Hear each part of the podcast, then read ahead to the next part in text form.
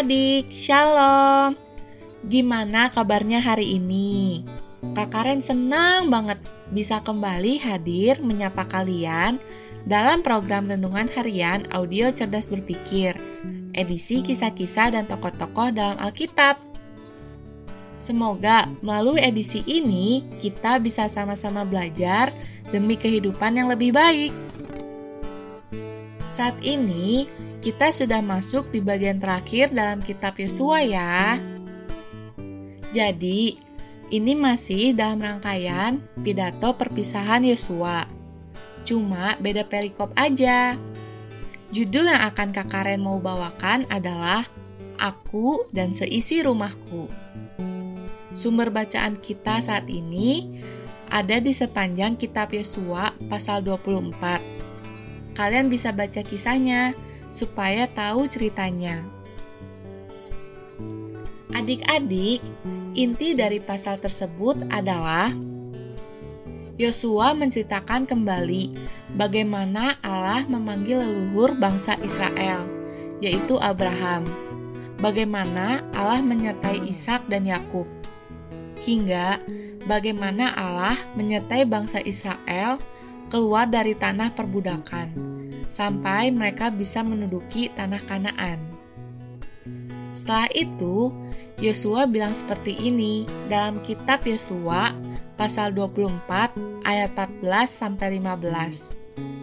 Oleh sebab itu, takutlah akan Tuhan dan beribadalah kepadanya dengan tulus ikhlas dan setia.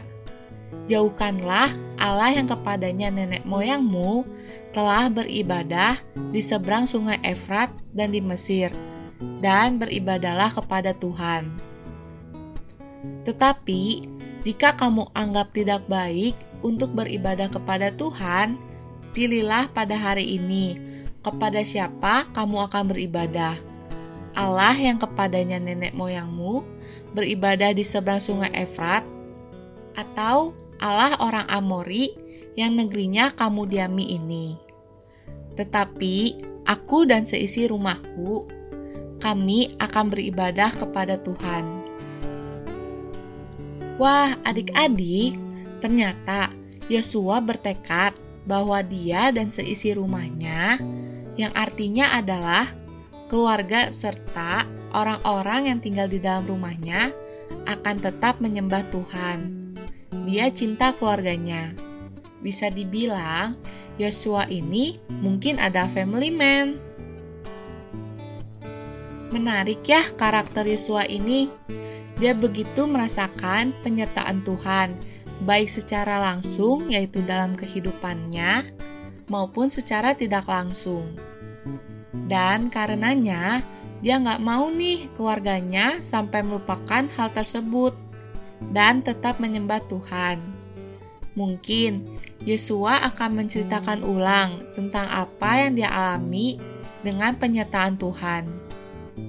Intinya, dia mau bahwa keluarganya tetap mengingat Tuhan.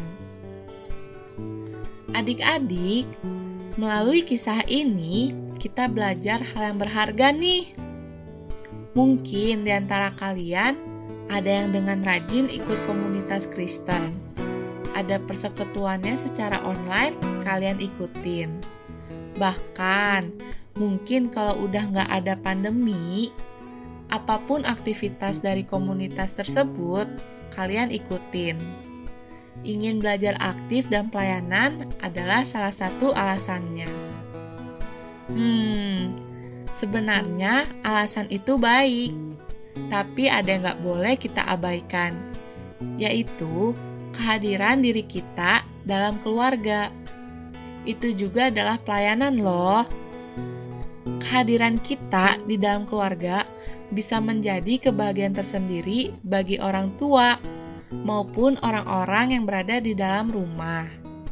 Kita harus mengupayakan diri kita untuk menghadirkan Tuhan di dalam keluarga. Caranya, bisa dengan melalui ketaatan kita kepada orang tua, perkataan kita, bahkan melalui kehadiran kita sekalipun. Kalian harus bisa buat orang tua kalian bangga sama kalian dan bersyukur kepada Tuhan karena punya anak kayak kalian.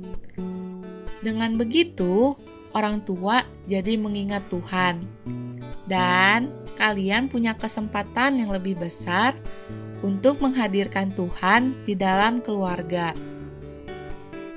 Kita juga harus mengupayakan diri untuk membawa kerukunan di dalam keluarga, bukan malah menjadi sumber masalah. Segitu aja yang bisa Kak Karen sampaikan. Intinya, kita harus mengupayakan diri agar melalui kehidupan kita, keluarga kita tetap mengingat Tuhan. Yuk adik-adik kita berdoa. Tuhan Yesus, terima kasih atas waktu yang sudah Engkau berikan kepada kami saat ini untuk kami dapat mendengarkan sebagian dari firman-Mu. Ya Tuhan, aku mengucap syukur dan berterima kasih atas keluarga yang Engkau berikan kepadaku. Aku juga bersyukur memiliki orang tua, kakak, adik yang selalu menemaniku dalam keadaan susah maupun senang. Tuhan Yesus, kiranya Engkau memberikan kesehatan dan menjaga keluarga ini, serta ajari kami ya Tuhan untuk bisa menjadi keluarga yang selalu memuji dan memuliakan namamu. Terima kasih ya Tuhan, dalam nama Tuhan Yesus kami telah berdoa dan mengucap syukur.